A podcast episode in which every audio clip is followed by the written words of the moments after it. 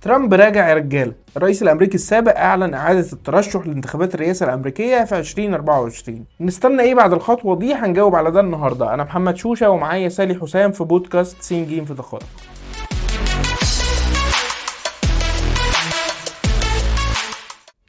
إيه اللي ترامب هيكسبه من إعادة الترشح؟ على الأقل هيوقف الهجمات السياسية والقانونية اللي بتلاحقه من وقت خسارة انتخابات 2020 وهل عنده أي فرصة في المكسب؟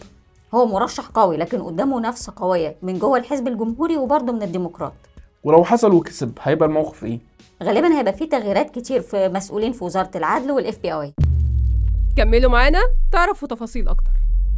سالي ترامب كان خسر في انتخابات 2020 إيه اللي يخليه يفكر في الترشح تاني؟ مبدئيا كده الترشح هيوفر لترامب فرصة يوقف بيها سيل القضايا اللي شغالة ضده من وقت ما خسر الانتخابات الأخيرة. زي مثلا إن هو أخد وثائق رئاسية لبيته أو إن هو تم استدعائه للشهادة قدام لجنة 6 يناير وهو بيحاول يمنع الاستدعاء ده عن طريق القضاء.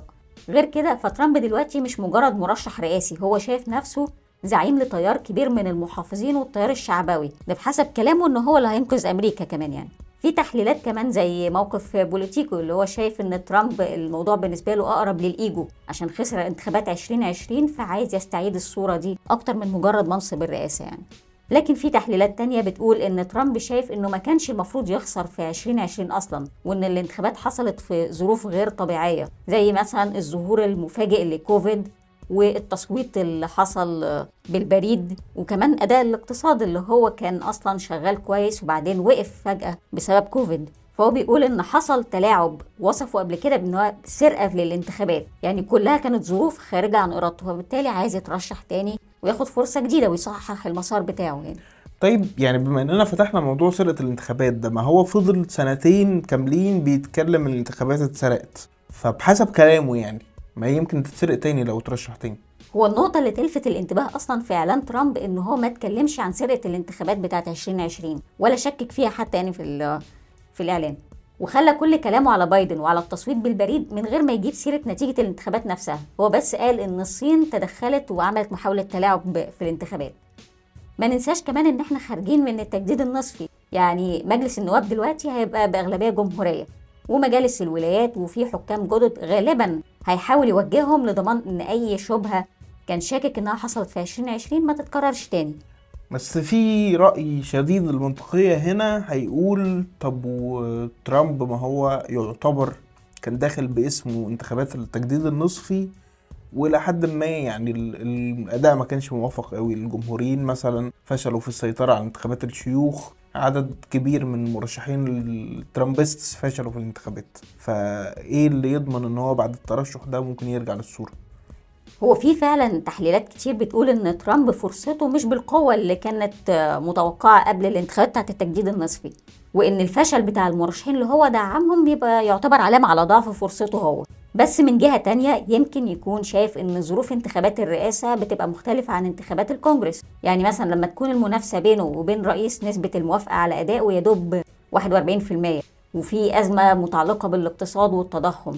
فده الملعب بتاع ترامب أصلا اللي هو كان شغال بيه في قبل الانتخابات بتاعت 2020 وقبل التوقف بتاع كوفيد. فالحسابات هنا هتختلف كتير يعني. طيب عشان ما نروحش للنقطة ال- الأخيرة ونسقط النقطة المهمة اللي في النص. ترامب عشان يترشح أصلا مفروض زي ما أنت عارفة إن هو هيعدي بانتخابات تمهيدية جوه الحزب الجمهوري. فهل الحزب نفسه هيقبل بترامب يبقى مرشح رئاسي؟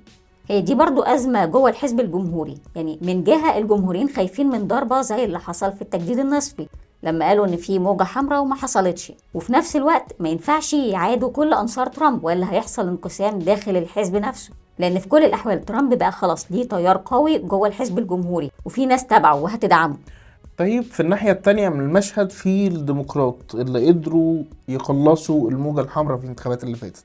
هما شايفين أو باصين لترشح ترامب تاني شايفينه إزاي؟ لو بصيت على وسائل الإعلام التقليدية هتلاقي النبرة المتوقعة الهجوم بقى على ترامب وإن هو خطر على الديمقراطية لكن من ناحية تانية في تقارير في صحف زي وول ستريت جورنال بتقول إن الديمقراط عايزين ترامب لأن هو مرشح هزموه قبل كده وممكن يكرروها كمان في تقارير قبل وبعد التجديد النصفي كانت بتتكلم عن دعم الديمقراط لمرشحين من أنصار ترامب وتقريبا كانوا الأكثر تشددا في التيار اليميني ودول ال- الديمقراط صرفوا على الدعاية بتاعتهم علشان يبرزوهم بشكل يخلي أغلب الناخبين العاديين مش قابلينهم. ومع ذلك الديمقراط برضو عارفين إن هي مش هتبقى معركة سهلة قدام ترامب لأن هو كسب قبل كده في انتخابات كانت مضمونة بالنسبة ليهم في 2016 قدام كلينتون. وكمان في 2020 كانت الانتخابات في ظروف استثنائية زي كوفيد والتصويت بالبريد فهي غالبا ما- مفيش استخفاف بترامب برضو.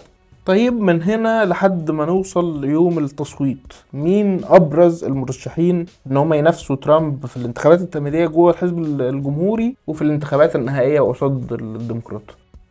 من جوه الحزب الجمهوري الأول أشهر اسم مطروح هو رون دي سانتس حاكم ولاية فلوريدا وهو اللي بيعتبر النجم دلوقتي في الحزب الجمهوري. هو عمل نتائج كويسة جدا في الانتخابات التجديد النصفي أكيد آه وشعبيته زادت فعلا لدرجة الفترة الأخيرة لدرجة إن في استطلاعات رأي بترجح إن رون دي سانتس هو اللي يكسب ترشيح الحزب مش ترامب. ويمكن ده السبب اللي خلى ترامب إن هو يهاجم دي سانتس بقوة دلوقتي يعني. لكن في برضو أسامي تانية مطروحة زي مايك بنس نائب ترامب لما كان رئيس وكمان كان في مايك بومبيو اللي هو وزير الخارجية السابق في عهد ترامب وفي نيكي هيلي سفيرة أمريكا في الأمم المتحدة في عهد ترامب واللي هي بعد كده انتقدته وبعدت عن التيار بتاعه خالص. هم كانوا كلهم ولاده يعني. بالظبط يعني الفريق اللي انقلب عليه. أيوه. من الحزب الديمقراطي بقى فالمرشح الأساسي غالبا بايدن لأن هو بحكم الواقع هو الرئيس وعاده الرئيس بيحظى بدعم الحزب بتاعه لما يجي ينافس على ولاية تانية. طيب خلينا نبعد بالسيناريو لأبعد نقطة. ترامب خلينا نقول إن هو كسب. تفتكري إيه اللي هيبقى ناتج عن النقطة دي؟ وخلينا نتكلم بشكل واضح عن شكل ال- ال Trump administration هتبقى عاملة إزاي.